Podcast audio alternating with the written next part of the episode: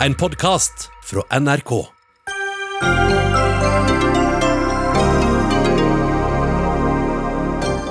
En ny ekstraordinær lov skal gi regjeringa mer makt og Stortinget mindre. Ren galskap, sier jusprofessor. Ytterligere tre nordmenn er døde som følge av koronasmitte, men hvordan kan vi vite hvor mange som er smittet, når vi ikke tester flere? Hvorfor gjør ikke EU og medlemslandene mer for å hjelpe Italia? En test av solidariteten i EU, sier Europabevegelsen. Og koronaviruset er en gavepakke til konspirasjonsteoretikere.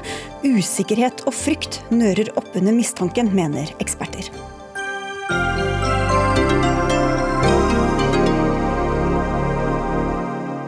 Det blir altså korona gjennom også denne utgaven av Dagsnytt 18. I studio i dag, Sigrid Solund. En ny koronalov skal gi mer makt til regjeringa. I ettermiddag ble den nye loven lagt fram i et ekstraordinært statsråd på Slottet. Den åpner for at regjeringa kan sette gjeldende lover til side for å komme med tiltak den mener er nødvendig for å demme opp for følgene av koronasmitte. Og eh, Monica Mæland, justis- og beredskapsminister, hva slags tiltak mener dere at dere trenger denne loven til for å gjennomføre? Ja, Det kan være tiltak vi bare ikke har tenkt på. Eh, det er jo sånn at Hvis vi skrur klokken eh, en uke tilbake, så eh, var livet et helt annet enn det det er i dag. Dette er for å kunne møte problemer som oppstår som følge av regler som gjelder i en normal situasjon. Det kan være saksbehandlingsregler, prosessregler i plan- og bygningslov. Det kan være regler som gjør at vi trenger å flytte folk fra en offentlig etat til en annen. Eh, så det kan være på veldig mange områder det blir nødvendig å ta raske beslutninger. Men jeg har lyst til å si dette er en kriselov for en krise tilstand vi er i nå. Og Den skal bare benyttes når det er helt nødvendig, og selvsagt innenfor det som er forsvarlig. Og så er det jo rammet inn, slik at regjeringen kan ikke gjøre noe som eh, Stortinget er uenig i. En tredjedel av Stortinget kan altså stoppe de vedtak regjeringen legger frem. Vi skal komme tilbake til det, men professor ved Institutt for privatrett ved Universitetet i Oslo, Hans Petter Graver, du sier at dette er galskap, men hva er det som er galskap ved det? Ja, Her er det bare fantasien som setter grenser. Jeg synes Det lå også i det Mæland sa, at uh, da du spurte hva dette kunne gi hjemmel for, så sa han det kan gi hjemmel for ting vi ikke har tenkt på. Og, jeg syns det er særlig to ting som, som er veldig betenkelige her. Det, det, ene er prosessen. At uh, dette har vært en prosess som har vært holdt uh, ikke bare utenom de vanlige høringsrutinene, men som rett og slett har vært holdt hemmelig. Eh, frem til eh, nå, og så skal det legges frem i Stortinget i morgen. Så dette skal altså tas ut av den vanlige demokratiske debatten og de vanlige rutinene vi har for ytringsfrihet. Det var jo bare så vidt vi rakk å samle sammen folk til å få en debatt om dette i dag, Mæland. Hvorfor har det vært så hemmelig, og hvorfor haster det så fælt? Det har eh, hastverk fordi vi er i en kritisk situasjon. Vi må kunne gjøre beslutninger fort. Det er altså ikke ønske å sette demokratiet til side.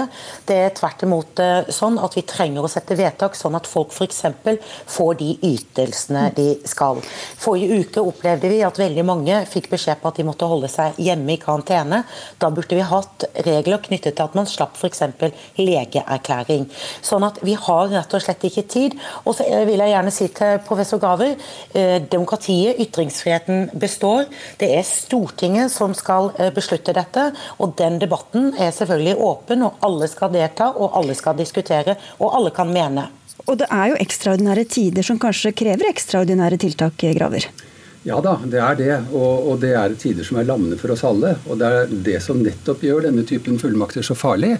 Uh, erfaringen viser uh, historisk også i Norge i forbindelse med f.eks. For rettsoppgjøret og eh, den kalde krigen, at eh, når eh, folk oppfatter at, eller opplever samfunnet som truet, da står individets rettssikkerhet veldig svakt. Mm.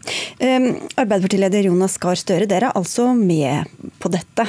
Um, hvorfor lar opposisjonen, ja, du, Arbeiderpartiet som største opposisjonsparti, posisjon, altså regjeringa, få makt på bekostning av Stortinget? Nei, men Jeg opplever ikke at det er sånn. og la meg si Dette har sittet langt inne for oss. Vi var mot det forslaget i fjor om å innføre en eh, lignende lov under normale tilstander som kunne brukes, fordi eh, det er for vidtgripende, omgripende. Men denne situasjonen er ekstraordinær. Vi skal bekjempe et virus som kan oppstå alle steder i samfunnet, hvor det er en lang rekke lover og regler tilpasset vårt samfunn for en helt annen situasjon. Og eh, Da mener jeg at eh, en slik lov kan være nødvendig, forutsatt to ting. Det ene er at eh, Stortinget har kontroll. Det har vi her. Som sagt, En tredjedel kan oppheve hvert tiltak. I dagens storting så vil det være typisk da Arbeiderpartiet og SV kan si nei, eh, eller andre partier.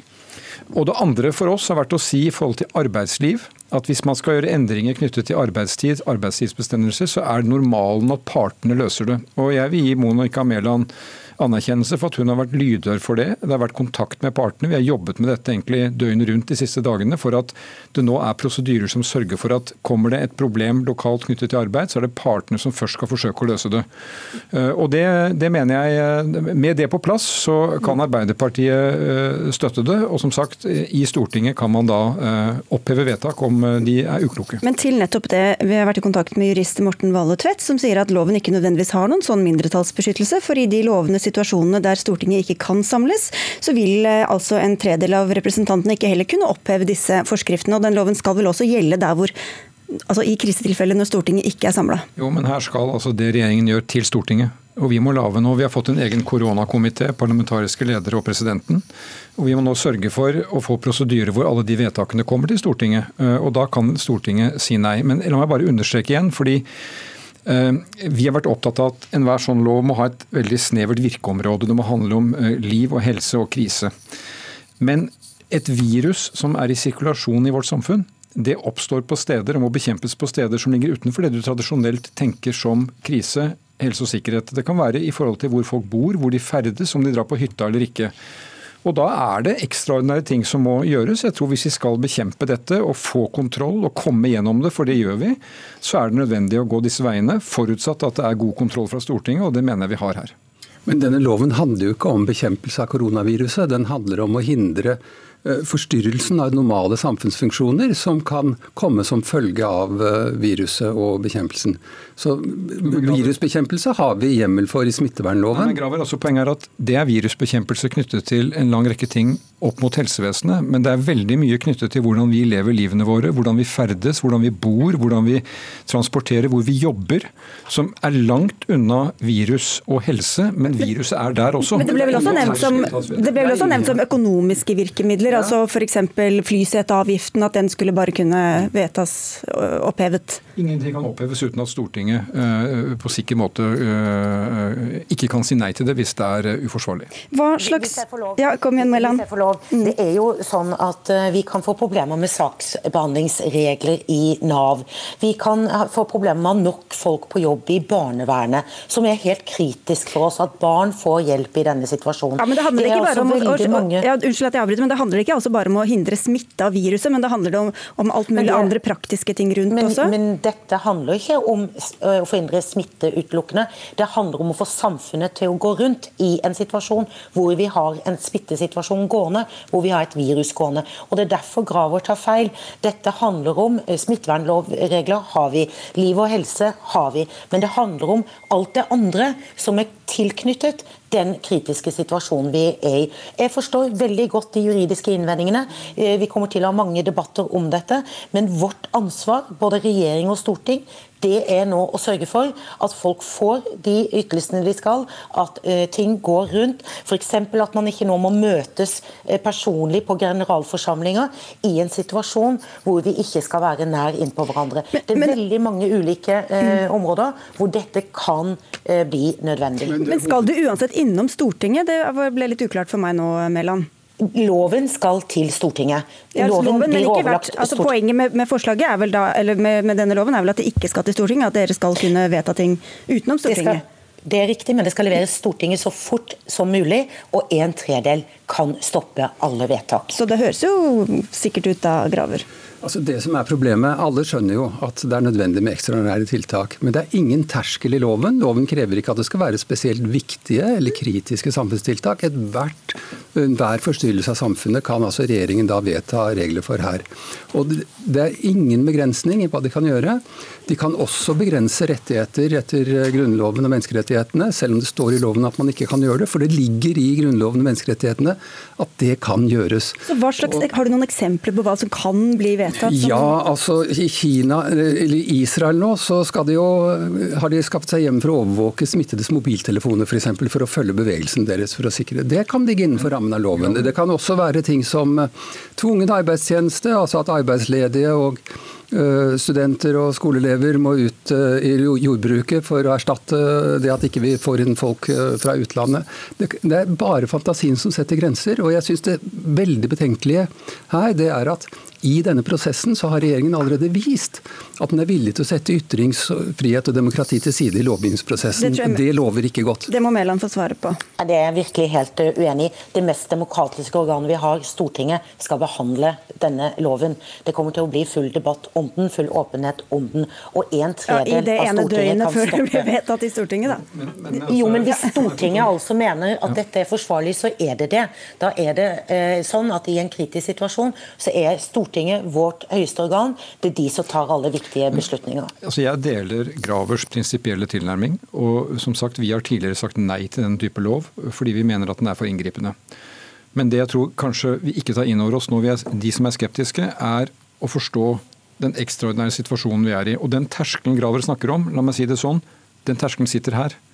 I Stortinget kommer vi til å være skjerpet, opplyst. Vi kommer til å være samlet, tror jeg, dager og helger med beredskap til å vurdere alt det som måtte komme fra regjeringen. Men da er det jo allerede innført fra regjeringen når det kommer til dere? Jo, men da kan det oppheves. Det er poenget. Den, den skal jo komme umiddelbart, og vi må ha prosedyrer som gjør at vi kan gjøre det raskt. Jeg regner jo med at regjeringen nå viser ansvarlighet, seriøsitet, et forsøk på å misbruke dette på å få gjennomført ting som ikke tåler vanlige kanaler.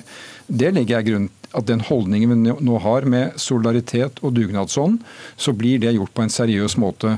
Og når Stortinget med en tredjedel, som er et lite mindretall, eller et mindretall, kan stoppe, så er det opp til oss å sette standarden for at dette gjøres på riktig måte. En del av den beslutningsdugnaden vi må ha. Og om seks måneder så er denne loven kommet til veis ende. Da er den altså over. Men opprinnelig så ville jo dere at dette skulle gjelde ut 2021, Monica Mæland. I stad sa du at det var en kriselov for en krisetilstand. Er det unntakstilstand vi skal ha i nesten to år, som dere hadde lagt til grunn? Nei, det har vært ulike arbeidsdokumenter. For oss har det vært viktig å få på plass en lov. Ja, men var, bare... Kan du bekrefte at det var det dere opprinnelig ønsket, og at den skulle vært... vare ut 2021? Det har versert ulike tidsrammer for denne loven. Vi er opptatt av å ha denne loven i det tilfellet at vi er nødt til å bruke den.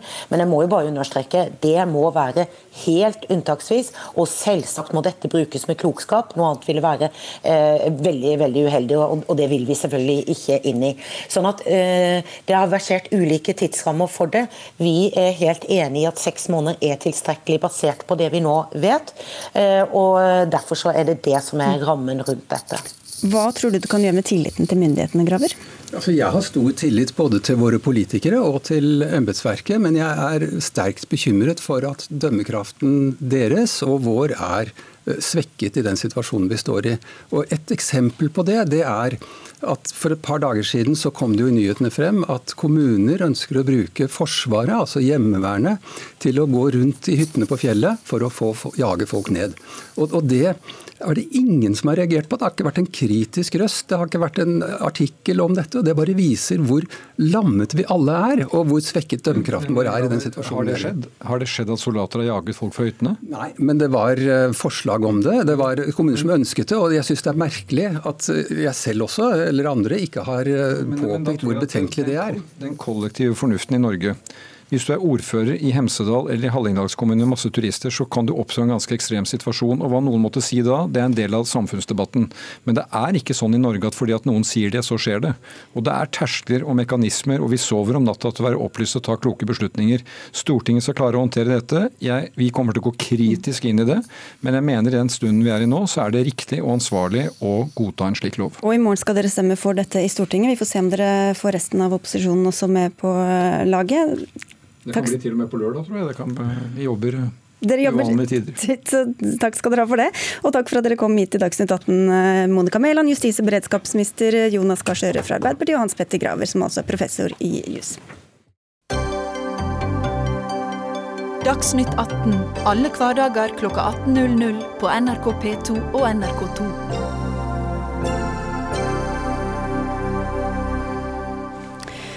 I dag er det meldt inn tre nye dødsfall som følge av koronasmitte. Dermed er til sammen seks personer døde av smitten her i landet, og det er registrert 116 nye tilfeller av koronavirus i Norge det siste døgnet, ifølge dagsrapporten fra Folkehelseinstituttet. Totalt er 1423 personer registrert smittet av viruset her i landet. Men helse- og omsorgsminister Bent Høie, hvordan kan dere vite hvor mange i Norge som faktisk er smitta, når dere tester såpass få?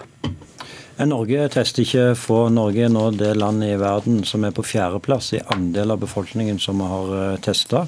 Eh, klokka ni den 18. mars hadde vi testa 28 522 personer. Så det inntrykket som dessverre er skapt i befolkningen om at Norge tester få, det må jeg bare understreke det er grunnleggende feil. Tvert imot. Vi er altså det landet som er på fjerdeplass i mm. verden eh, på testing av andelen av befolkningen. Men det er likevel mange som ønsker å bli testa, som ikke blir det. Det er du enig i? Det er jeg helt enig i. og, og det er også sånn at Verdens helseorganisasjon anbefaler å teste ethvert mistenkte tilfelle av korona. Vi hørte f.eks. i Nyhetsmorgen på NRK i dag morges at de nye reglene for koronatesting er så strenge at samfunnsinstanser som brannvesenet kan få problemer. Ansatte som kan være smittet av korona, ikke blir testet. Så eh, tester vi alle dem vi har kapasitet til å teste? Ja, Vi tester alle. Vi har kapasitet til å teste. og Norge har heldigvis eh, eh, god kapasitet. Og vi dobler jo nå kapasiteten mot slutten av denne uken nesten. Og Det betyr at hvis testing er et verdensmesterskap, så er Norge på fjerdeplass nå. Og så er det jo sånn at eh, Vi ønsker å teste flere, men vi ønsker jo også å ha god oversikt i befolkningen. og Derfor så lanserte vi jo i dag at vi nå kommer med en digital løsning på slutten av eh, uken, der òg folk kan logge seg inn på helsenorge.no med bank-ID og egenrapportere eh, hvis de har symptomer. Og Det vil jo også hjelpe oss i nettopp eh, muligheten til å ha god oversikt. Men det er òg viktig at folk vet at hvis du har symptomer og skal være hjemme i karantene, så, så er det ikke viktig for deg å bli testa. Eh, fordi testen vil ikke utgjøre en eh, forskjell uansett. Eh, og, og, du vil ikke komme ut av karantene fordi om du er testa. Nei, men de, sånn de som f.eks. har forkjølelse eller influensasymptomer i dag, og som ikke blir testa, hvordan skal de da kunne vite om de fortsatt kan bli syke senere, eller om de har vært smittet og dermed ikke utgjør noen smitterisiko for andre? Ja, den, eh, det vil jo, altså Vi håper jo at vi i framtiden vil ha muligheten til å teste. De kan ikke vite det, det er jo poenget. Nei, de kan ikke vite det nå. Nei. Men i framtiden så håper vi at vi har muligheten til å teste stadig flere. og Da vil en òg finne ut om en har hatt dette og er immun. Eh, men det er ikke det vi kan prioritere i denne situasjonen. fordi testing handler ikke bare om utstyr, mm. det handler òg om helsepersonell. Og Skal vi sende helsepersonell nå hjem til folk som uansett bare skal få bli hjemme, så tror jeg de fleste forstår at det er sløsing både med helsepersonell, men òg med den beskyttelsesutstyret. Ja, er, som helsepersonell skal bruke. Så det er personell og utstyr som gjør at vi ikke tester flere enn det vi gjør i dag? Ja, fordi det trenger vi til nå å ta vare på de som er syke. Og mm. de, som, eh, de, som, er hjemme og har symptomer, de skal være hjemme eh, så lenge de ikke blir alvorlig syke og skal legges inn på sykehusene våre. Og Gjør de det, så blir det selvfølgelig testa. Espen Nakstad, fungerende assisterende helsedirektør, velkommen tilbake til deg også. Hvem da er det som blir testa for koronasmitte nå? Først må jeg bare si at, eh, at testing er på en måte en måte, eller ett viktig tiltak, men det er andre viktige tiltak òg. Dette med å holde avstand til folk, som har vært mye fokus på. Dette med annen type digital kartlegging, som dette ble nevnt. Og dette med å telle opp da innlegges til sykehus. Det er på en måte også parametere som gir en viss oversikt. Men akkurat nå så testes det eh, både de som har luftveisinfeksjon som innlegges på sykehus, og de som får det når de er på sykehus.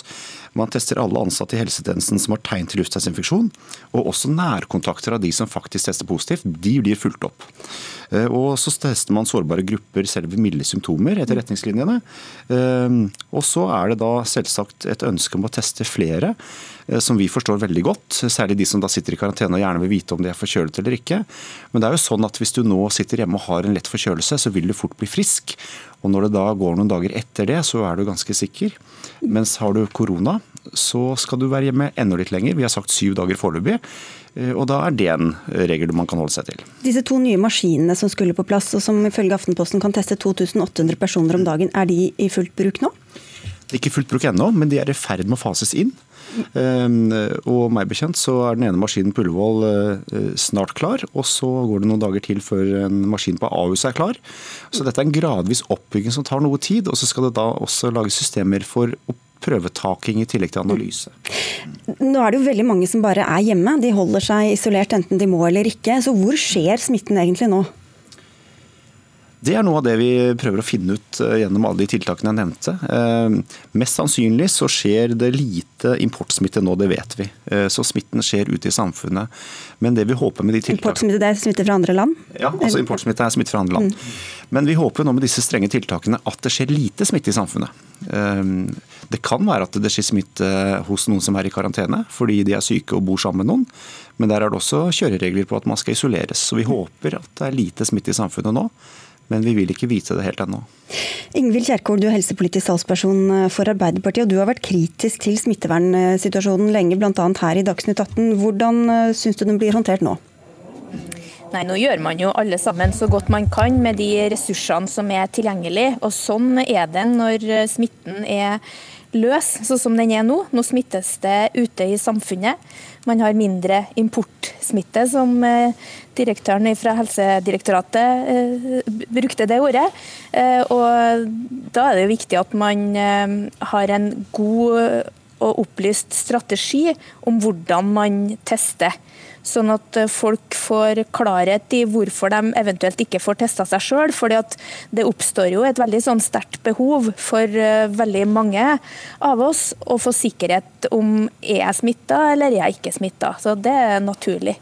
Men det får vi altså ikke nødvendigvis vite. Men den tøye, det er noen som snakker om å stanse smitten, andre om å utsette den eller begrense den. Hva er egentlig, hva er det dere jobber etter nå? Vi jobber jo etter det å begrense smittingen i samfunnet så mye at ikke eh, antallet smitta, dermed antall alvorlig syke, blir så mange at det overbelaster helsetjenesten vår og setter helsetjenesten i en situasjon der de ikke kan hjelpe de som er alvorlig syke i samfunnet vårt. og Det er uavhengig av om de er alvorlig syke med koronasykdom eller, eller ikke. Så har vi selvfølgelig et sterkt ønske om at de tiltakene vi nå har er så sterke at de vil kunne stoppe smitten. Men det er det aller viktigste er det som nå illustreres veldig godt på TV, bl.a. med denne kurven. Å holde den flat for nettopp å sikre at alle som er alvorlig syke i samfunnet vårt, får god helsehjelp til vi er kommet igjennom denne situasjonen. Ja, for Det er jo ikke bare koronapasienter som blir eh, utsatt i et ekstra hardt pressa helsevesen. Også andre kan få planlagte operasjoner avlyst eller utredninger utsatt. Det kan bl.a. gå utover en ganske stor og sammensatt pasientgruppe, og de som har har hatt eller mistenker at de har kreft. Og Ingrid Stenstadvold Ross, du er generalsekretær i Kreftforeningen. Hva slags bekymringer hører dere fra medlemmene deres? Nei, altså det er jo sånn at uh, Ca. 100 nordmenn får uansett beskjeden hver dag uh, du har kreft. og Det er jo en beskjed som snur uh, livet på hodet. Og det er klart at Akkurat nå så er jo landets kreftpasienter ekstra urolige, ekstra bekymret. og Disse hører vi fra uh, på Kreftforeningens rådgivningstjeneste på telefon, chat på e-post, og vi er i tett kontakt med dem. Og De er jo utsatt av to grunner. Både fordi de, de, er ekstra sårbare mot smitte, men som helseministeren sier, også fordi at de er avhengig av et helsevesen som skal fungere når de trenger cellegift, stråling, operasjoner og annen behandling. Har dere fått meldinger om folk som ikke får den behandlinga som var planlagt fram til nå? Ja, vi hører enkelte historier. Ikke mange, men vi hører enkelte historier. Og, og det er viktig å si at, eh, presisere at kreft er ikke kreft. og Noen kreftdiagnoser er akutte, de trenger akutt behandling. Der har vi ingen indikasjoner på at, eh, at folk ikke får den eh, behandlingen de har behov for. Mens andre kreftdiagnoser kan vente. Men da er det utrolig viktig at kreftpasientene får god informasjon, og at de har trygghet i forløpet sitt. Eh, og her, dette krever jo ekstra da, av helsepersonell nå om dagen, at de klarer å informere kreftpasienter, følge dem godt opp. Og jeg ønsker også å minne om at eh, man kan ta kontakt med Kreftforeningen. Vi står også her for å avhjelpe både med råd, med rettigheter, med veiledning. Men også selvfølgelig ønsker vi å høre fra kreftpasienter nå som ikke opplever å få de tilbudene de hadde forventet. Det er jo kommet bekymringsmeldinger bl.a. fra intensivsykepleiere som mener at eh, det har lenge vært et underskudd på dem. Ingvild Kjerkol, mener du at norsk helsevesen er rusta til å ta den, alle de pasientene som, som kommer nå? Sammenligna med mange andre land, så er vi jo selvsagt det. Men det er klart at alle de utfordringene vi hadde i en normalsituasjon, de eh, blir jo forsterka i en ekstremsituasjon som den vi har nå. og Derfor mobiliseres det jo veldig for å få tilgjengelig personell. Men de tilbakemeldingene som vi har fått de siste dagene fra kommuner som tester etter de anbefalingene og føringene som eh, helsemyndighetene har gitt, det er jo at de mangler utstyr, og at de ikke får klarhet i leveranse av den type nødvendig utstyr. Det er jo testutstyr for det første for å få utført testene, men også smittevernutstyr for det personellet som utfører testene. Så Det er viktig at man har god kommunikasjon mellom de sentrale helsemyndighetene og dem som står ut og gjør jobben, og at man har en strategi som alle oppfatter klart og tydelig. fordi at Etter hvert som smitten brer seg, så vil også eh, befolkningen forvente at testing er mer tilgjengelig. Og det blir det kanskje etter hvert, Bent Høie? Ja, det, det håper vi. også er det jo sånn at Nå er det veldig mye god informasjon ute på helsenorge.no. Jeg vil òg takke Kreftforeningen for den jobben eh, de gjør for å informere eh, de som eh, har kreft og som har behov for noen å snakke med i denne situasjonen. Og så er det jo sånn at vi nå må ha tillit til at de som jobber i helsetjenesten vår, de gjør noe vanskelige, men òg gode faglige vurderinger. Og, og de, men i en pressa situasjon. Og Det betyr òg at vi må ha forståelse for at det da gjerne ikke noen ganger går helt optimalt. Eh, det er selvfølgelig synd, men vi må også ha litt romslighet med hverandre i den situasjonen som er nå. Eh, fordi det er krevende tider for veldig mange. Og Da er det jo mange spørsmål som dukker opp, eh, Nakstad. Bare for å ta to helt konkrete. Altså De som er i risikogruppen, f.eks. kreftpasienter. Skal de følge de samme rådene og vente like lenge før de kontakter legen, eller skal de følge andre råd? Nei, altså Alle som er i risikogruppen skal være ekstra aktpågivende i denne situasjonen.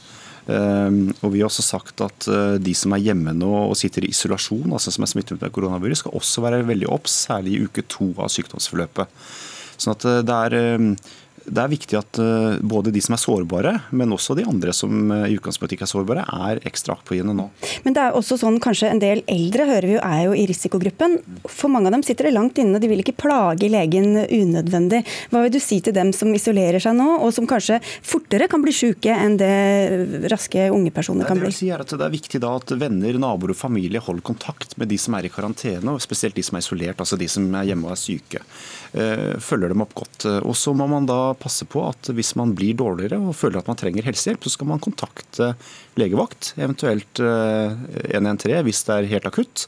Eh, og Det gjelder både for koronapasienter og alle andre i samfunnet som blir syke. Vi skal avslutte. Det er ikke gått mange dagene, Bent Høie, men allerede merker vi det veldig i livene våre. Hvor lenge skal vi regne med å leve i denne unntakstilstanden vi gjør nå?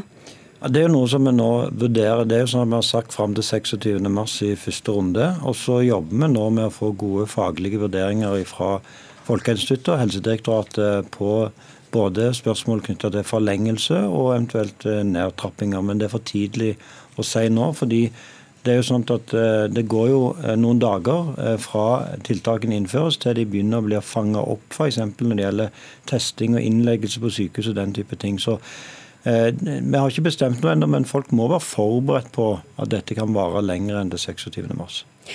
Vi får si takk og velkommen tilbake til dere, Bent Høie, helse- og omsorgsminister, til fungerende assisterende helsedirektør Espen Nakstad, Ingvild Kjerkol fra Arbeiderpartiet og Ingrid Stenstad Wold Ross, som altså er ny generalsekretær i Kreftforeningen.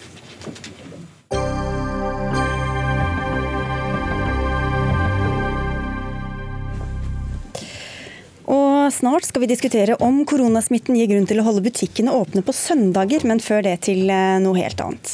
Koronaviruset finnes egentlig ikke. Det er i hvert fall ikke farlig, eller det bare er et skalkeskjul. Frykt og unntakstilstand er god mat for konspirasjonsteorier, og de florerer nå, eller hva, Jon Ferseth, du er journalist og forfatter, og har bl.a. skrevet bok om konspirasjonsteorier. Jeg vil kanskje ikke si florere, altså vi vet jo ikke hvor utbredt dette faktisk er, men det er veldig, veldig, veldig lett å finne det når du er inne på sosiale medier. i hvert fall. Du har jo eh, både de som eh, tyr til klassiske syndebukker, som jøder. F.eks. mener de at, jødiske forretningsfolk kan ha spredd viruset for å skape en bankkrise som de kan tjene på. Og det er jo noe vi har sett nesten gjennom alle epidemier gjennom tidene. At man skylder på de klassiske gruppene, etter tilfelle jøder. Så har du de som uh, peker på at det er et, selvfølgelig er et israelsk laboratorium som nå jobber med en vaksine og mener at de har vaksinen allerede, ikke sant? men de skal slippe den når panikken er på høyden for å tjene penger på det. Og så har du selvfølgelig de som sier at hele vaksinen er eh, ja, sludder, eller ja, hele, nei, hele, hele, hele, viruset er mm. sludder. At det ikke finnes, eller at det er eh, kraftig oppskrytt. At det da f.eks. skal brukes som påskudd for å sette i gang strenge sikkerhetstiltak, begrense individuell frihet osv. Mm.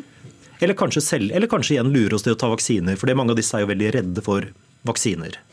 Cecilie Endresen, du er førsteamanuensis i religionsvitenskap ved Humanistisk fakultet ved Universitetet i Oslo. Du følger også med. Hvilke eksempler har du sett for uttrykk for sånne konspirasjonsteorier? Ja, Det er jo som Jon sa, det er lett å finne når man begynner å lete etter det. Eh, det er gamle og nye konspirasjonsteorier eh, altså, tar jo opp i seg nye elementer hele tiden. Og dette her koronaviruset og pandemi og sånn, det er jo en eh, velegnet stor rammefortelling som selvfølgelig er veldig skremmende for alle. Og inni denne rammefortellingen da, så kan man putte inn hva man ellers er opptatt av og bryr seg om. Så vi ser jo veldig mye at dette bare er en ny ja, hva skal jeg si, en sånn container på en måte for masse andre ting folk er opptatt av, som de da får gjennom. Eksempel, eh, ja. Nei, ta, det, ta et par eksempler, så skal vi slippe til Ferseth igjen. Uh, ja, hvis uh, det er flere religiøse kretser på, i forskjellige tradisjoner som er opptatt av at uh, stoppe homobevegelsen, f.eks. Jeg syns at det, det, homorettigheter er en styggedom, og ser dette som Guds straff. Eh, for eh, at man har liksom tillatt det. Og det ser vi på jødisk, muslimsk og kristen side. Sånn. Mm. Men, ja, fortsett. Ja, altså, jeg tror det er helt riktig det Cecilie sier nå. Altså, det er jo sånn at uh, vi ser at the usual suspects, hadde nær sagt. altså Gamle kjenninger fra oss som er litt opptatt av konspirasjonsteorier og konspirasjonsteoretikere, de hiver seg på dette her nå. Og Det handler jo veldig mye om at de forsøker å holde seg aktuelle, rett og slett. ikke sant? De putter nye ting inn i gamle rammer, så å si. og gjør dette her til nok, putter inn den samme gamle fortellingen om at det er skumle krefter som står bak. Men hva er det, Hvilke elementer ved denne krisa er det som nører opp under sånne type teorier? Jeg tror det har veldig mye med det å gjøre at dette er en fullstendig usikker og dermed veldig veldig skremmende situasjon. Vi vet rett og slett ikke hvor dette her bærer. ikke sant? Vi er ute på seilas i et ukjent farvann uten noe kart å forholde oss til. Det er først i ettertid at vi vil kunne vite hvordan dette, å, hvordan dette gikk. Vi vet ikke engang hvilke tiltak som er riktig å kjøre. Og Dette skaper selvfølgelig usikkerhet og redsel blant mange mennesker, altså meg inkludert. Og eh, Da er det lett at man begynner å ty til uh, det som i hvert fall kan gi en slags forklaring og en slags mening i det. Sikkert ikke helt ulikt hvordan folk for noen hundre år siden kanskje ville ha tydd til kirkene i en sånn situasjon. Ja, og Apropos Endresen, du jo, har jo sett mye på religionens plass her. Hvordan spiller disse to tingene, disse konspirasjonsteoriene og enkelte religiøse samfunn eh, på lag? Ja, der er det jo mye å ta av. Altså, på en måte så er jo uh, religioner og konspirasjonsteorier de har en del fellestrekk i det at de prøver å forklare hvorfor lidelser skjer, og hvorfor vi har det fælt og blir syke og ting sprer seg og sånn. Og så har du da koronaviruset som da i tillegg er sånn usynlig fare. og uh, Det er lett å spekulere i hvorfor uh, hva som egentlig skjer bak på baksiden. Og det er jo det religionene driver med. At de har spesialisert seg på å å forklare lidelse og sette det i en høyere sammenheng og se det som utslag av noen sånne usynlige krefter eller høyere makter sin inngripen her i vår verden. og sånn. Så dette her kommer jo da i masse forskjellige religiøse varianter. Også innad i samme religioner så har man mye forskjellig ja, Det var en, en, en erkebiskop som mente at vievannene f.eks. Det var ikke noe å være redd for, fordi Satan hadde ingenting å stille opp med mot mot, mot, mot, viruset hvis det i, kom i vide vann. Ja, og religion har jo tradisjonelt vært like opptatt av helse som av frelse, egentlig. Eller håp om helse, for folk har jo vært syke og hatt det helt forferdelig. Eh, sånn at de har oppsøkt alt mulig som de mener da kan hjelpe dem. Og nå ser vi i dag at en del sånne eh, gjenstander og steder og sånn faktisk er smittebærere, fordi det strømmer folk til f.eks. For å bade i hellig vann eller uh, ta på noe eh, For å, mot, for å motvirke smitte? For å motvirke smitte, ja. ja. nemlig. Så det er noen paradokser der. Og så ser vi også at uh, forskjellige religiøse praksiser reguleres forskjellig i forskjellige land. så mange steder har moskeer og kirker stengt, f.eks. Andre steder så er folk blitt oppfordret til å strømme til for å, liksom viktige, viktige steder for å bekjempe det. Ferseth, du nevnte sosiale medier, men, men, det finnes jo også myndighetene i enkelte land som nører opp under disse konspirasjonsteoriene? Ja da, vi ser f.eks. at en russisk propagandakanal som heter Russia Today, som sender på engelsk, de har vel nå, så vidt jeg har forstått Jeg har ikke dobbeltsjekka dette, men jeg har, de nå, jeg har hørt at de nå har vært ute og hevdet at uh, amerikanske myndigheter bruker dette her til å, liksom, til å utplassere store mengder våpen i Europa under dekke av koronaviruset. Og du ser jo at, uh, vel, at Trump nå er ute og snakker om det som Kina-viruset. Og da liksom legger skylda på kineserne. Og Kina skylder på USA? Ja, det gjør de nok. Mm. Kan, jeg, kan jeg føye til en ting der? Eh, islam og muslimer er jo ofte på begge sider av disse konspirasjonsteoriene. Eh, men eh, det fantes jo enkelte muslimer som var tidlig ute med å mene at dette var eh, Allahs straff over kineserne pga. forfølgelsen av uigur-muslimene. Eh, og så bakte dette en større klassisk konspirasjonsteori om at eh, det er angrep på islam og muslimer overalt alltid. Eh, som da er sånn en fortelling som flytter seg. Og I hva slags type samfunn er det disse teoriene lettest slår rot? Det må jo være der det er uh, mer urolig krisetider og ting er mer omveltning og det er liten tillit til uh, myndighetene. Så ja, men vi ser jo også at dette skjer i Norge, selv om vi vet, ikke vet hvor utbredt det er. og jeg, jeg, tror at, som du sier, Men samtidig er jeg nok enig i det. Det er urolige tider, og det er uvisshet, det er uro. Det gjør at vi, vi blir redde, og da tyver til mye rart. Men sikkert, ganske sikkert der det er stående konflikter, så er det nok lett at man skylder på motparten, ja. Men jeg tror ikke de fleste nordmenn går rundt og tenker at eh, politisk ledelsen vil oss ondt. Nei, der er det, det, for, det, er det, du, det har du helt rett i. Til slutt, Ferset, Du tar også til orde for eh, et relativt drastisk virkemiddel når det gjelder akkurat sosiale medier.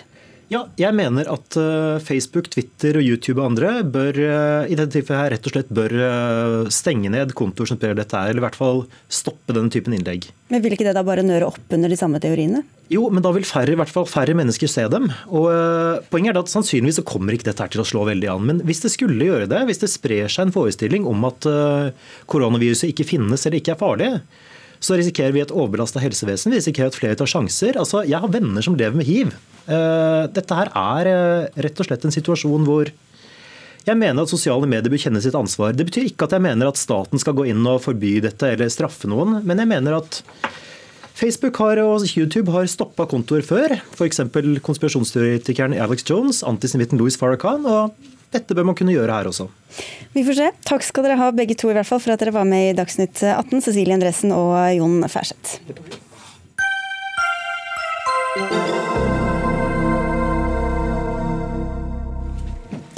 Hvert år kommer flere tusen sesongarbeidere til Norge for å jobbe i norsk landbruk. De plukker bær, poteter og gjør annet tidkrevende arbeid. Men nå er det stopp. Innreiseforbud og stengte grenser gjør at jordbruket plutselig står uten nødvendig arbeidskraft før årets sesong, skriver Nasjonen.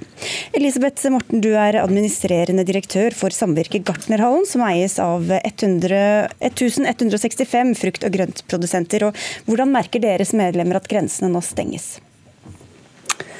Ja, som du sier, I Gartnerhallen så har vi over 1000 grøntprodusenter nå som skal bidra til at norsk eh, matproduksjon opprettholdes i år. og Deres største utfordring nå det er eh, tilgang på arbeidskraft. Eh, det er veldig stor uro ute blant våre produsenter nå for at de ikke får gjort jobben de skal. Og Da er Gartnerhallen opptatt av to ting. Det ene er at myndighetene må bidra til at utenlandsk arbeidskraft med papirene og alt det formelle i orden, at de faktisk kan komme til Norge. Eh, det er sånn at Utenlandsk arbeidskraft de har jo opparbeidet seg en kunnskap og erfaring over veldig mange år. De kommer gjerne tilbake til samme bonden år etter år og har spesialkompetanse på de ulike produksjonene. Og de her, eh, Den kompetansen er vi helt avhengig av, eh, og den kunnskapen erstatter vi ikke over natta med norsk arbeidskraft. Så Det er det ene. Det andre er at vi veit vet at det kommer jo færre utenlandske arbeidere til Norge nå pga. koronaepidemien. Og da må vi skjøte på med norsk arbeidskraft for å dekke opp. Og Derfor så tok Gartnerhallen Obama i går til orde for en nasjonal dugnad for å sikre matproduksjon i Norge, og for at permitterte og ledige studenter kan bidra inn for å sikre norsk matproduksjon. Ja, Landbruks- og matminister Olaug Bollestad permitterte inn i denne bransjen og slippe inn utlendinger med papirene i orden. Hva velger du? Det å si? Først av alt så har jeg lyst til å si at jeg, vi har jo en krevende situasjon. Og ikke minst for det at vi skal kunne sikre at vi får opprettholde matproduksjonen på grøntsektoren spesielt eh, i dette året òg. Det vil jo kreve veldig mye av oss. Så det gjør jo at jeg to ganger i uka i forrige uke har møte med hele bransjen for å være sikker på at hvor ligger problemstillingene. Og Så har dette med arbeidskraft vært ganske tydelig. Og Da er det to ting jeg har lyst til å si. Det ene er at ja, de som har avtaler, de kan komme inn, men de må i karantene. Og de kan ikke bare bo for ti mann i en kjeller, holdt jeg på å si. Det må jo være forhold som gjør at du klarer å opprettholde karantenereglene. Det er de som har arbeidsavtaler. Hvem, hvem skal betale for dem i de 14 Nei, dagene? Da blir det jo arbeidsgiveren som egentlig må betale for det sånn per i dag. Per i dag. Eh, samtidig så, så tar en jo òg til orde for å bruke norsk arbeidskraft. Og Det er kjempeviktig. og Det gjør jo at eh, vi i morgen vil ha møte med arbeidstakerorganisasjonene sammen med arbeidsministeren. fordi vi har en del del tariffavtaler i Norge. Vi har et, en, et trepartssamarbeid i Norge på arbeidstakersiden, og det er viktig å opprettholde og følge loven. Men vi ser helt klart muligheten for å bruke Vi får jo tusenvis hver dag av arbeidsledige som nå må være med inn og gjøre en jobb for å sikre dette. Og til slutt har jeg lyst til å si ja, Du trenger ikke si alt på en gang. Jo, men jeg må, jeg må si en ting til. og det er at det, For det er viktig for meg at næringa opprettholder planter og setter alt det har muligheter for. Fordi vi har har denne vekstsesongen, og det er kjempeviktig for oss. Ja, for det er hastverk, for det begynner, de skal ja, egentlig komme nå i mars. Ja, og der, må, Vi må ikke stille spørsmål på om vi klarer å høste det, vi må sette det nå. Ikke sant? Nils Kristen Sandtrø, næringspolitisk statsperson for Arbeiderpartiet. Er dere helt enige her, eller? Jeg vil eh, si det så klart som at dette er en felles forsikring som vi nå skal sørge for at vi alle sammen i Norge har, ved å både dyrke grønnsaker, sette poteter. Og det gjelder å for så vidt å ha kontroll på lamminga, som nå kommer eh, veldig raskt. Og det er kalving. Og hvem skal så, gjøre dette, da? Jo, Det skal skje med innenlands arbeidskraft. Det er vi veldig tydelige på, fordi vi har noen regler nå for eh, innreise til Norge. Og dem gjelder for alle bransjer, og de må gjelde for jordbruket òg. Og det er så mange folk som er tilgjengelige og kan gjøre denne eh, jobben, og som òg har lyst til det. For vi skal bare tre uker tilbake. Da hadde jo NRK en egen sak om at det nå er stort manko på sommerjobber i Norge. Og Her har vi en lang rekke ungdommer og studenter som virkelig òg kan få glede av å få denne arbeidserfaringa. Okay, hva tror du, Morten? Er det, står det i kø med norske permitterte arbeidstakere som ønsker å plukke poteter eller så, da, i første rekke? Jeg er veldig opptatt av at vi må tenke to, to, ting samtidig her. Vi må sørge for å slippe utenlandske kompetente arbeidere inn i Norge som har alle papirer og alt det formelle i orden, og selvfølgelig sørge for at de er i karantene og at alt eh, foregår på ansvarlig vis. Eh, fordi vi er avhengig av den spesielle kompetansen som de har. Og så er jeg helt sikker på at det også finnes eh, permitterte eller ledige studenter eller hva det måtte være i Norge, som også ønsker å ta et tak for å bidra i en, i en sånn krisesituasjon. Så ja, vi, må, vi, må, gjøre begge deler samtidig, og myndighetene må legge til rette for begge deler. Og Når det gjelder de, de, de økte kostnadene, så er jeg veldig opptatt av at regjeringa bidrar til å dekke opp for økte kostnader også for landbruket, sånn som de gjør for eh, resten av norsk næringsliv nå. Nå har eh, regjeringa lagt fram en eh, krisepakke del 1 og en krisepakke del 2, og nå syns jeg det trengs en krisepakke del 3 som handler om landbruket og opprettholde matproduksjon. Jeg syns at, at, Bollestad og resten av regjeringa nå må bidra til at eh, norsk landbruk kan sikre befolkningen mat, og at de får arbeidskraft og at de får økonomisk trygghet for at de får kompensert for de kostnadene de får, sånn som resten av norsk næringsliv. La meg gjette, Sandtrøen. Du er helt enig og savner en eh, tiltakspakke fra regjeringa, du òg? Dette tror jeg vi skal fikse sammen. Men det som er helt klart Skal alle i hele verden, eh, hele Norge få tiltakspakke, eller? Eh, maten er ganske grunnleggende å forsikre for oss. Hvis ikke, så blir, det, ikke blir dette her riktig galt. Og det er så klart og tydelig som at vi nå må sørge for at dette her skjer på norske lønns- og arbeidsvilkår. Det er en klar forutsetning for oss. Og det er opplagt at det trengs økonomiske tiltak på dette feltet. Okay, du nikka du også, Bollestad, men du sa selv dette haster nå. De skulle egentlig egentlig komme nå i disse dager omtrent, disse utenlandske arbeiderne som pleier å komme. Hva gjør dere nå på kort sikt da, for å få dette til å skje? Første så har jeg lyst til å si Det første alle mann må gjøre, det er å sikre at vi ikke skal spre mer smitte enn det som er til nå. Det er punkt én. Det gjelder òg de som kommer fra utlandet. Og Vi må òg være klar over at mange land ser på Norge som det landet som kanskje har mest smitte. Så gjør òg at luftrommet over Europa er stengt. Noen nekter sine arbeidere å reise til landet vårt. og Det betyr at vi må som Morten sier her, ha to tanker i hodet på en gang. Det ene er å klare å bruke de som har avtaler, går i karantene. Men og det, det sa andre er Hva gjør dere faktisk nå? Det, er jo, det andre har jeg jo sagt, for det første så har jeg kontakt med, med bransjen ja. hver uke. Men kontakt er jo ikke Nei, men vi gjør tiltak. Vi gjør tiltak med kjøre- og hviletid. Vi gjør tiltak med, med hvor de trenger ressurser for å, for å sikre altså, tilsyn med slakteriene, at veterinærene er der, at vi har arbeidskraft hvis avløseren blir syk, hvis bonden blir syk. Alle disse tiltakene er jo gjort. Og så kommer vi her med spørsmål om arbeidskraft. Da må vi forholde oss til norsk arbeidsliv. Og Det betyr at vi må ha til avtaler med arbeidstakerorganisasjonene. På samme måte som Sykepleierforbundet har gjort dette med arbeidstidsordninger for sykepleiere i en krisetid. Det må vi jo gjøre. Og vi jobber òg på tvers av departementer for å klare å nå disse målene kjempefort. Ja, dette her er jo òg en situasjon hvor mange som har stått utafor eh, arbeid generelt, helt uavhengig av koronasituasjonen, kan få muligheten til å få arbeidserfaring. I eh, mitt hjemfylke, i den sørlige delen, så er det faktisk 40% av befolkninga i arbeidsfør alder som står utafor arbeid til vanlig. Så det er klart at det finnes hundretalls, mange tusentalls personer som har muligheten til å bidra, og dem vil vi nå sørge for at får ordentlige vilkår. Og da vil jeg si til slutt at dette her åpner jo for en veldig interessant diskusjon og ikke minst et engasjement for at vi må få opp selvforsyninga generelt. For nå har vi hatt først tørkesommeren 2018 og nå koronasituasjonen. Så det blir et veldig viktig tak, et problem som vi må ta tak i i våren. Eh, du hadde en kommentar.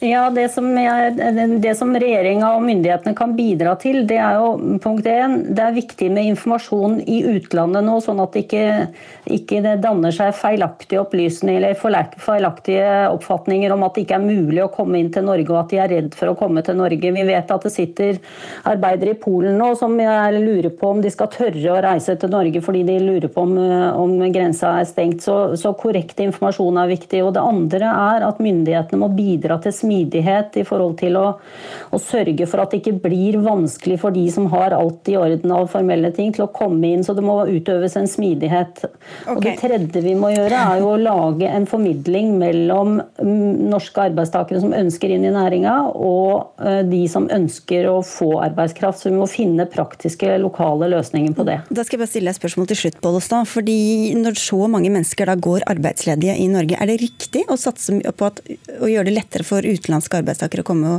inn i denne sektoren? For det første så, er det ikke sikkert at det er helt enkelt, men vi skal gjøre det vi kan. Men det andre jeg har lyst til å si er at dette løfter jo problematikken hvor viktig landbruket er. Og jeg syns det er en litt enkel tilnærming at alle vi kan hente inn hvermannsen fra gata. For det er sånn som hun fra Gartnerforbundet sier, det er jo ikke, det er jo ikke eller Gartnerhall sier, det er jo ikke bare å ta folk som, ikke har, folk som har erfaring verken med dyr og lemming, hvis vi snakker om det, eller hvis vi snakker om type eh, planter og behandling. Så det, det, det er viktig at de får en, en god start. Men kan dere ikke gi en omskolering, da? Jo, omskolering, men det er jo nå vi trenger de, så det tar jo litt tid. og Det betyr at vi skal åpne for arbeidskraft. Bønder har allerede begynt med dette. Mange plasser der jeg kommer fra, der har de tatt inn arbeidsledige, og det funker veldig, veldig bra. Vi får følge opp eh, senere. Takk skal dere ha alle tre. Nils Kristin Sandtrøen fra Arbeiderpartiet, landbruks- og matminister Olag Bollestad og Elisabeth Morten fra Gartnerhallen. Hør Dagsnytt 18 når du vil. Radio NRK Radio.nrk.no.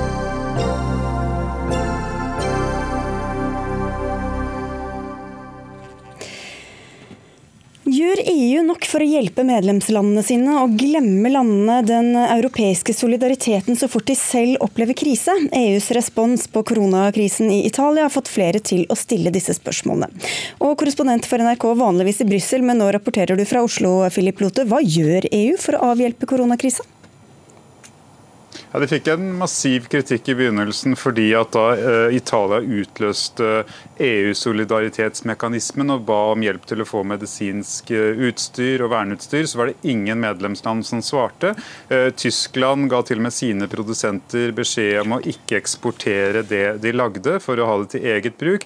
Og Det strider mot hele ideen med referanse til debatten du nettopp hadde, om at i EU og det indre marked så skal jo ikke alle produsere alt. De skal produsere produsere det de har forutsetninger for, og så skal unionen og markedet eh, hjelpe eh, til, slik at alle får det de trenger. Men nå har de prøvd å ta tak. Det har vært flere toppmøter på eh, videokonferanse hvor eh, ulike regjeringssjefer har sittet og diskutert, og finansminister i eurosonen har sittet og diskutert. Og Det de har gjort, er å flytte eh, store milliardbeløp fra f.eks. det regionale utviklingsfondet, utjevningsfondet, som skal gå til de fattigste EU-landene, og, og også fra krisefondet, som er ment for naturkatastrofer. Det skal nå også kunne brukes til helse katastrofer i anførselstegn.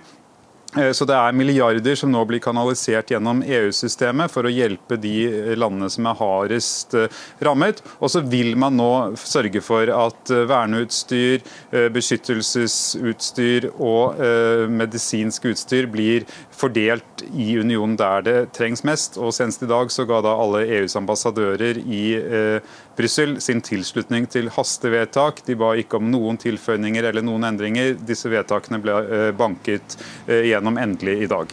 Men er dette med helse og smittevern egentlig noe som ligger innunder EU?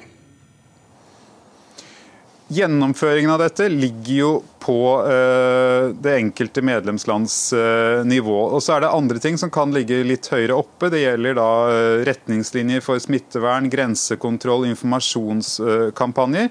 Men så er det jo hele ideen om at i EU så skal man ha et utgangspunktet et marked, et indre marked, som gjør at de landene som har forutsetninger for å produsere noe, enten det er medisiner, medisinsk utstyr eller hva man skulle trenge i forskjellige katastrofer, de skal produsere det. og så skal det gjøres tilgjengelig. Eh, og om ikke markedsmekanismene eh, fungerer, gjennom samarbeid. Og Det er jo det samarbeidet og den solidariteten som har blitt satt på prøve, men som de nå kanskje svarer på. Litt sent, for før de rakk å svare, så klarte jo da ytre høyreleder Matteo Salvini å skåre et poeng, hvor han sa at Italia ba om hjelp og fikk et slag i ansiktet. Takk skal du ha, Philip Lote. Til deg, Katrine Klevland, leder for Nei til EU. Dere har delt flere nyhetssaker de siste dagene om at EU ikke har takla denne krisen på en god måte. Hva gjør EU feil? Eh, det vi opplever er jo at EU eh, e kommer for seint på. Det er greit at de har begynt å gjøre ting nå, men når hastevedtakene kommer nå, så er jo det mange dager for seint. Det vi syns er et paradoks, er jo da at Italia ser ut til å ha fått mer hjelp fra Kina enn fra Brussel. Og dette er jo heller ikke første gang vi ser at EU-systemet eh, e ikke fungerer. Det er en tungrodd institusjon, og det er ikke første krisa hvor de kommer seint på vi kan se både på finanskrisa og på eurokrisa, hvor vi også syns at EU ikke har svart godt nok på det som eh, vi opplever at EU sier at de skal være. De sier at det skal være en organisasjon for solidaritet og styrke og et samla EU. Det er veldig mange fine ord i festtalene. Men det var ikke det Italia opplevde da de ba om medisinsk utstyr. Da mm. opplevde de at eh, landene ville ha det sjøl. Okay, Heidi Nubelunde, leder for Europabevegelsen i Norge. Er du enig i at EU svikta da det gjaldt? Nei, men Vi ser jo her hvordan Nei til EU kommuniserer med doble standarder. De er mot det overnasjonale eh, samarbeidet, men allikevel så mener de at EU ikke gjør, gjør nok. Er det noe dette viser, så er det nettopp det at det europeiske fellesskapet er mer enn et økonomisk samarbeid. og Europa Europabevegelsen har jo alltid fremholdt nettopp eh, det Kleveland er inne på, nemlig at EU er verdens største demokrati-, freds- og solidaritetsprosjekt. Men jeg er også enig i at eh, den situasjonen vi er i akkurat nå, kommer til å sette den solidariteten på prøve. Men det du sier, Kleveland, er jo da at EU ikke er nok EU, egentlig, da? Nei, Vi vet jo nå hva, vi vet jo hva EU sier sjøl at de er, og da bare observerer vi fra sidelinja at EU-systemet eh, e faktisk nå må settes ut av kraft for å få gjennomført de tiltakene som må til nå. Eh, vi ser at både økonomiske støttepakker og grensekontroll som skjer nå, det skjer på tvers av EU sine egne regler. Og F.eks. nå når Norge skal gi store økonomiske pakker og økonomisk støtte, og hvis nå f.eks. Norge skulle starta med noe egen, egen oppbygging av eh, medisinsk eh, materiell osv., da må det være unntak fra de subsidiereglene som EØS-regelverket har. Og vi ser også at grensekontrollen som, er, som, EU har da med fri flyt, den må settes til side nå for å få til det som vi må få det som gjøres nå for å, i disse unntakstidene. Så ja, EU er ikke nok EU, men vi forholder oss til det EU som er der. Og da ser i hvert fall vi at nå må EUs regler oppheves for å få til det vi trenger nå i disse veldig spesielle tidene.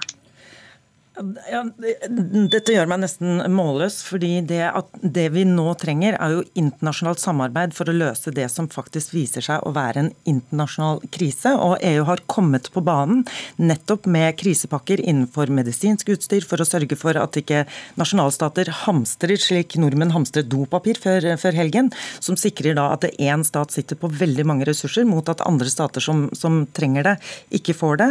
Vi ser at de kommer med økonomisk støtte. vi ser at at de nå jobber med kriseberedskap i 28 land, og at det tar litt lengre tid. Eh, og kanskje den tar faktisk akkurat like lang tid som det norske storting har brukt på å vedta sin krisepakke. og Da syns jeg det er litt underlig å anklage dem for å være eh, sent ute. Men denne debatten går i EU på samme måte som den går i Norge. Har man gjort for, for lite for sent, eller for mye for, for tidlig? Lite tyder jo på det siste.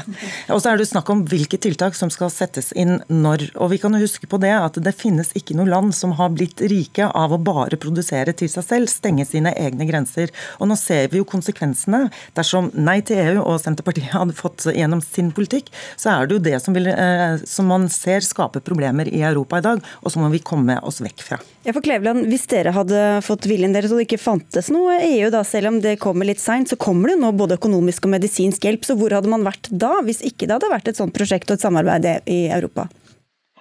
Hvordan verden hadde vært uten EU akkurat eh, nå. Nå forholder vi oss til at EU er der, og vi i Nei til EU er ikke imot internasjonalt samarbeid. Vi har Verdens helseorganisasjon, vi har FN, vi har, eh, vi har store institusjoner. Vi observerer nå at EU har kommet seint på banen. Vi er glad for alt som skjer nå. Tror du at land ville gitt fra seg økonomisk, eh, både økonomisk støtte og medisiner hvis ikke det hadde vært medlemmer av EU? Jeg er så idealistisk at jeg faktisk tror på det gode. og Vi ser nå et land, at Norge vi driver da med bistand og kan samarbeide med andre land om vi ikke er med i EU. Ja, så det tror jeg. Mm. jeg du ser på Kina som støtta Italia. De jo, var jo slett ikke med i EU. Og de valgte å støtte Italia. Så jeg tror på solidaritet uten et EU, ja. Ok, eh, eh, Heidi Nordby Lunde, Det var jo veldig liten respons Italia fikk da de ba om eh, hjelp. Så hva sier dette om det solidaritetsprosjektet som EU-tilhengere gjerne framstiller EU som? Ja, Det var som jeg sa til oss å begynne med. Jeg er også bekymret for om denne solidariteten holder gjennom en krise som vi nå ser. Men vi skal også huske på at EU er tuftet på at du har nasjonale, robuste nasjonalstater som tar sitt nasjonale ansvar for å mobilisere de kreftene som de har. Og helse er jo bl.a et nasjonalt ansvar. Vi ser her, som vi for så vidt også gjorde i debatten i Storbritannia om brexit, at nasjonale myndigheter veldig lett peker på EU og gir dem skylda for noe som faktisk er et nasjonalt ansvar. Det vi ser nå, er at EU mobiliserer sine ressurser og allokerer de der hvor det trengs mest. Og det er i alles interesse, ikke minst også for, i norsk interesse. Fordi det nytter ikke at eh, bare vi og vår økonomi er friske og raske hvis hele vårt eh, nærmeste og største marked marked kollapser pga. manglende samarbeid, manglende økonomisk hjelp og manglende, da, eh, manglende internasjonalt samarbeid disse 28 landene igjennom. Og Jeg er egentlig imponert over at EU nå kommer i gang med disse mekanismene. og Det vil vise den styrken som ligger i det internasjonale fellesskapet.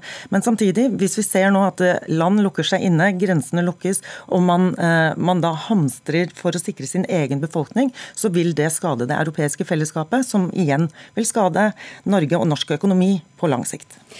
Vi får uh, la det bli siste ord. Takk skal du ha, Heidi Nordby Lunde, leder for Europabevegelsen. Og takk også til deg, Katrine Kleveland, leder for Nei til EU. Jeg sa i stad at vi skulle diskutere søndagsåpne butikker uh, her i Dagsnytt 18. Det var planen, men uh, vi måtte kaste litt om underveis og rett før sending. Men vi satser på å få den til i morgen. Nå klokka 19 skal statsminister Erna Solberg holde tale til folket både på NRK P2 og Dagsrevyen på NRK1 kan du høre den. Dag Dørum, Hans Ole Hummelvold og jeg, Sigrid Solund, takker for oss.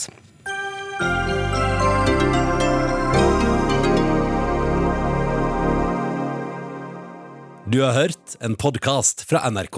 Hør flere podkaster og din favorittkanal i appen NRK Radio.